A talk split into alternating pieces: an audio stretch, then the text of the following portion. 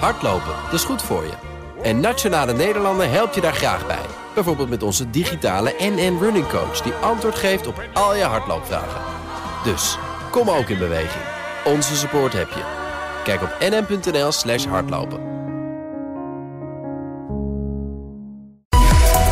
4 over half 5. We werken nog aan een heleboel verhalen voor je.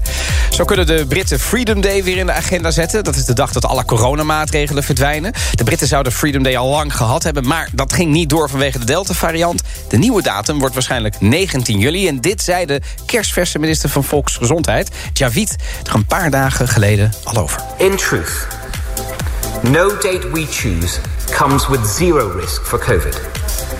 We know we cannot simply eliminate it. We have to learn to live with it. En zo om zes uur geeft de Britse regering een persconferentie... dus later meer erover in de middag. We verwachten straks ook een nieuw advies van de Gezondheidsraad. Dat gaat over of je vaccins kan combineren. Bijvoorbeeld na een AstraZeneca-prik is de tweede prik van Pfizer. Klinkt gek misschien, maar Duitse onderzoekers zeiden eerder al... dat het extra goed zou werken. Om zes uur reageert immunoloog Marlijn van Egmond op het Nederlandse advies. En om vijf uur, is ook interessante zaak, spreken we de advocaat van Vibra. Die won namelijk vandaag een rechtszaak van de FNV. Het ging erom dat Vibra hun personeel onbetaald uren wil laten inhalen. Want tijdens de lockdown zaten veel medewerkers thuis. Betaald natuurlijk. En van de rechter mag dat. Ze mogen die uren inhalen. Maar eerst even iets heel anders. Vlak voor de coronacrisis begon Dagmar Oudshoorn aan haar nieuwe baan. Directeur van Amnesty. Ze zit nu dus anderhalf jaar in de directeurstoel. Maar die stoel die staat dus al meer dan een jaar bij haar thuis aan de keukentafel. Heel goedemiddag. Goedemiddag. Klopt, hè? Nou, aan de keukentafel niet. Uh. Oh, niet, niet zo letterlijk. Nee, nee, niet zo letterlijk. Nee, maar inderdaad, uh, we hebben uh, werkplekken in, in huis die moeten richten. Zowel mijn man als ik werken thuis. Ja, zou er zo'n start aankomen? Nee, helemaal niet. En uh, het was ook best complex. Ik uh, was misschien niet de typische keuze voor een directeur Amnesty. Ik heb geen mensenrechten achtergrond, uh, geen juridische achtergrond. dus ik wist dat ik sowieso heel hard moest werken. Maar om na een paar maanden ehm, je volledige personeel naar huis te sturen. En dat ja. was natuurlijk uh, wel een impact. Echt heel ander werk. Überhaupt denk ik dan u op, op zich had voorbereid dan. Nou ja, je krijgt er een, een, extra dimensie bij. Je moet zorgen dat al je personeel goed thuis kan werken... dat je je werk kunt blijven doen, dat je kunt blijven fondsen werven. Er kwam een hele nieuwe dimensie aan het mensenrechtenwerk bij. Dus ja, dat, ja. Uh, dat was uh, veel. Gaan we het zo, het ook wel leuk. Ja, gaan we het zo nog uitgebreid over hebben... over die focus die Amnesty verlegd heeft. Ik wil eerst eventjes het over uzelf hebben, u met je voorstellen. Um, u bent opgegroeid in Goes, in Zeeland. Klopt. Wilde tropenarts worden. Ja werd, uh, ging werken bij de politie, werd ook nog burgemeester, alle kanten op gegaan. Maar nu pas die NGO. Ja, nu pas die NGO. Ik uh, wilde inderdaad, zodra ik kon, nou ja, praten, wilde ik dokter worden. Ik had een, een, oom, die was arts... en daar mocht ik altijd op zijn schoot hebben. En dan keek ik altijd in die boeken en dat vond ik fantastisch. Maar, uh, nou ja, ik werd helaas uitgeloot. Oh. En, uh, nog een keer uitgeloot. Oh ja, dat is pittig. En uh, toen, ik heb wel een jaar in Antwerpen gestudeerd... maar dat was het toch niet, geneeskunde gestudeerd. En toen heb ik besloten, ik ga iets anders doen. En toen ben ik orthopedagogiek gaan studeren in Nijmegen. Um, ik deed altijd vrijwilligerswerk met mensen... met een verstandelijke beperking, lichamelijke beperking. Dus ik denk, nou, orthopedagogiek past er goed bij. Um, ik heb in het begin daar ook gewerkt... in een Rijksinrichting voor criminele en gedragsgestoorde jongens... Uh, bij de Raad voor de Kinderbescherming, bij Justitie. En toen rolde ik uh, uh, de politiek in, het politiek bestuur in. Dat heb ik 16 jaar gedaan. Ja. Waaronder als burgemeester. Ja, voor de Partij van de Arbeid. Toen nog? Toen nog, ja. Ik heb uiteindelijk afscheid genomen. Ja. Um, en daarna ben ik twee jaar bij de politie gegaan. En toen werd ik benaderd van... we zijn op zoek naar een directeur voor Amnesty International. En toen zei ik, ja, maar ik ben nog maar net bij de politie. Maar ik, er stond zo'n klein zo'n stemmetje wat je hoort van... ja, maar het is wel Het is te mooi. Dat, ja. ja. Nu staat Amnesty bekend als onafhankelijk, autonoom... afstand tot de macht hè, van de staat, van het bestuur. En dan nemen ze iemand aan die, nou ja, bestuurder is, zou je zeggen. Ik bedoel, burgemeester, politie... Ja, maar ik denk niet dat dat een verschil moet zijn. Uh, wat het betekent is dat je niet moet doen. Je moet onafhankelijk zijn en dat betekent dat je je onafhankelijk moet gedragen... en dat je niet laat betalen door de overheid... zodat je onafhankelijk advies uit kunt brengen. Dus dat is een dimensie, die is nog steeds zo. Amnesty accepteert geen middelen van de overheid... behalve mm -hmm. uh, voor educatie. -hmm. um, maar um, ik denk ook dat ik uh, de thema's die ik aansneed... als burgemeester um, en bij de politie... ik zei niet veel andere dingen daar dan die ik nu zeg. Nee. Nu las ik dat u bij de uh, politie vond dat die organisatie eigenlijk te groot was om iets fundamenteels te kunnen veranderen. U zei: Ik heb binnen mijn functie wel wat stapjes gezet. Maar oh, toen dacht ik, maar Amnesty, International. Dat is zo niet een nog grotere organisatie. Dat is een hele grote organisatie. Maar uh, de Nederlandse sectie is, uh, is uh, daar een zelfstandige geheel in. Maar natuurlijk is het zo dat het internationale werk... en de contacten die je met de internationale beweging hebt... ook enorm groot zijn. Maar um, het gevoel wat ik bij de politie had, was toch anders. En, daar, en het ongeduld wat ik er uiteindelijk van kreeg ook. En toen ben ik overgestapt. Ja, dan over Amnesty en die nieuwe focus. Want de coronacrisis heeft ervoor gezorgd... dat Amnesty zich erg ergens anders op moest gaan focussen, op ging focussen. Ik vroeg me af, hoe is dat gegaan? Wat is de keuze geworden en hoe ging dat proces? Nou, het is niet zo dat we ons moesten focussen. Eens in de zoveel tijd moet je altijd kijken van wat zijn je prioriteiten. Mm -hmm. En um, er wordt uh, internationaal ook een nieuwe global strategy opgesteld. Nou ja, dan heb je ook een grote crisis die ook uh, effecten had voor Amnesty Nederland. Je hebt nieuwe thema's. Toen hebben we afgelopen jaar een traject gevolgd van wat willen we nu als Amnesty Nederland binnen die grote beweging... waar ja. vinden we dat we ons op moeten richten? En daar hebben we een heel traject voor gelopen. En wie, wie bepaalt dan welke, waar de, welke kant de neus op gaat? We zijn een vereniging, dus dat bepalen we. We hebben, we hebben echt een traject gedaan met medewerkers, met leden, met het bestuur, met de ledenraad. Mm -hmm. En uh, afgelopen zaterdag uh, is het groene licht uh, gegaan om uh, de koers te doen. En is die nou helemaal nieuw? Nou, dat zou ik niet zeggen, want we focussen nog op een heleboel dezelfde thema's als we altijd al deden. Maar wat is dan nu de main focus?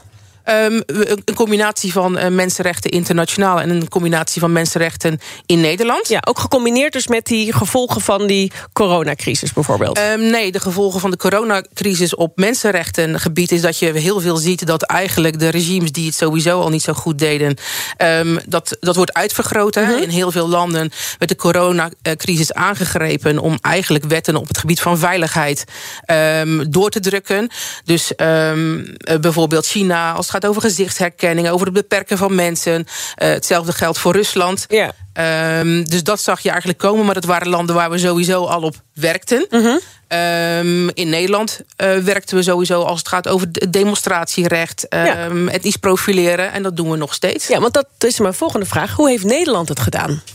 Als je kijkt, uh, um, en dat is misschien voor een heleboel mensen wel uh, wild dat ik dat zeg. Daar krijg ik ook vaak reacties op. Maar in principe heeft Nederland het redelijk gedaan. Zeker als je vergelijkt met een heleboel maatregelen die in de landen om ons heen ja, ziet. Dat, dat is nog vrij makkelijk, vind ik altijd. Je moet nooit vergelijken met een ander. Toch gewoon kijken naar jezelf. Wat, heb, wat, wat ging er mis? Nou, wat, wat ging er mis? Heel veel mensen hebben het idee dat hun rechten zijn ingeperkt. Maar het recht... Dat we in een dictatuur leven, die bedoelt u? Daar, daar zijn mensen die vinden dat hun rechten worden ingeperkt. Maar je moet altijd kijken, mensenrechten technisch... dat maatregelen die moeten passen bij wat nodig is. Proportioneel zijn. Proportioneel zijn. Um, um, en ze moeten uh, een bepaalde tijd zijn. En ze ja. moeten transparant zijn... zodat de volksvertegenwoordiging er naar kan kijken. Mm -hmm. Dat zijn de uitgangspunten. Um, en vergeet niet dat het recht op gezondheid ook een recht is. Ja. Dus als je bijvoorbeeld met het demonstratierecht hebt... dan heb je, um, als je het hebt over de coronacritici... ja, ze mogen demonstreren. Dat moet ook gefaciliteerd worden, dat moet geregeld worden. Maar op het moment dat ze bijvoorbeeld aanwijzingen krijgen... van je moet op anderhalve meter staan... Uh -huh. dan moeten die ook opgevolgd worden. Omdat ze anders de volksgezondheid in het gevaar brengen... en dus de overheid moet dat ook waarborgen. Juist. En jullie zitten daar een beetje tussen. Ja, dat lijkt dat, mij... en, dat, en dat vinden mensen heel lastig. Ja? Ja. Waar merkt u dat aan? Nou ja, boze brieven die we krijgen. Ja, wat, wat zeggen ze dan? Nou, tot alles, totdat we geen mensenrechtenorganisatie zijn... Te, of uh, um, uh, niet voor de rechten van mensen opkomen. Maar het is dus een evenwicht wat daarin zit tussen het recht om te zeggen wat je vindt... en te geloven ja. wat je vindt. Maar ook het recht van een overheid om dat recht voor gezondheid... Ja. voor mensen die er anders over denken te waarborgen. Het is dus een genuanceerd verhaal. Het is een genuanceerd het verhaal. Het lijkt wel alsof we genuanceerde verhalen... een stuk minder makkelijk aan kunnen nu in de samenleving. Is dat ook uw ervaring? Niet iedereen natuurlijk, maar nou ja, wat, komt veel wat kritiek. je hebt in een, in een samenleving waar mensen hele uitlopende ideeën hebben... en daar soms ook lijnrecht tegenover elkaar staan... dat mensen soms zeggen van, uh, ja, maar mijn mensenrecht...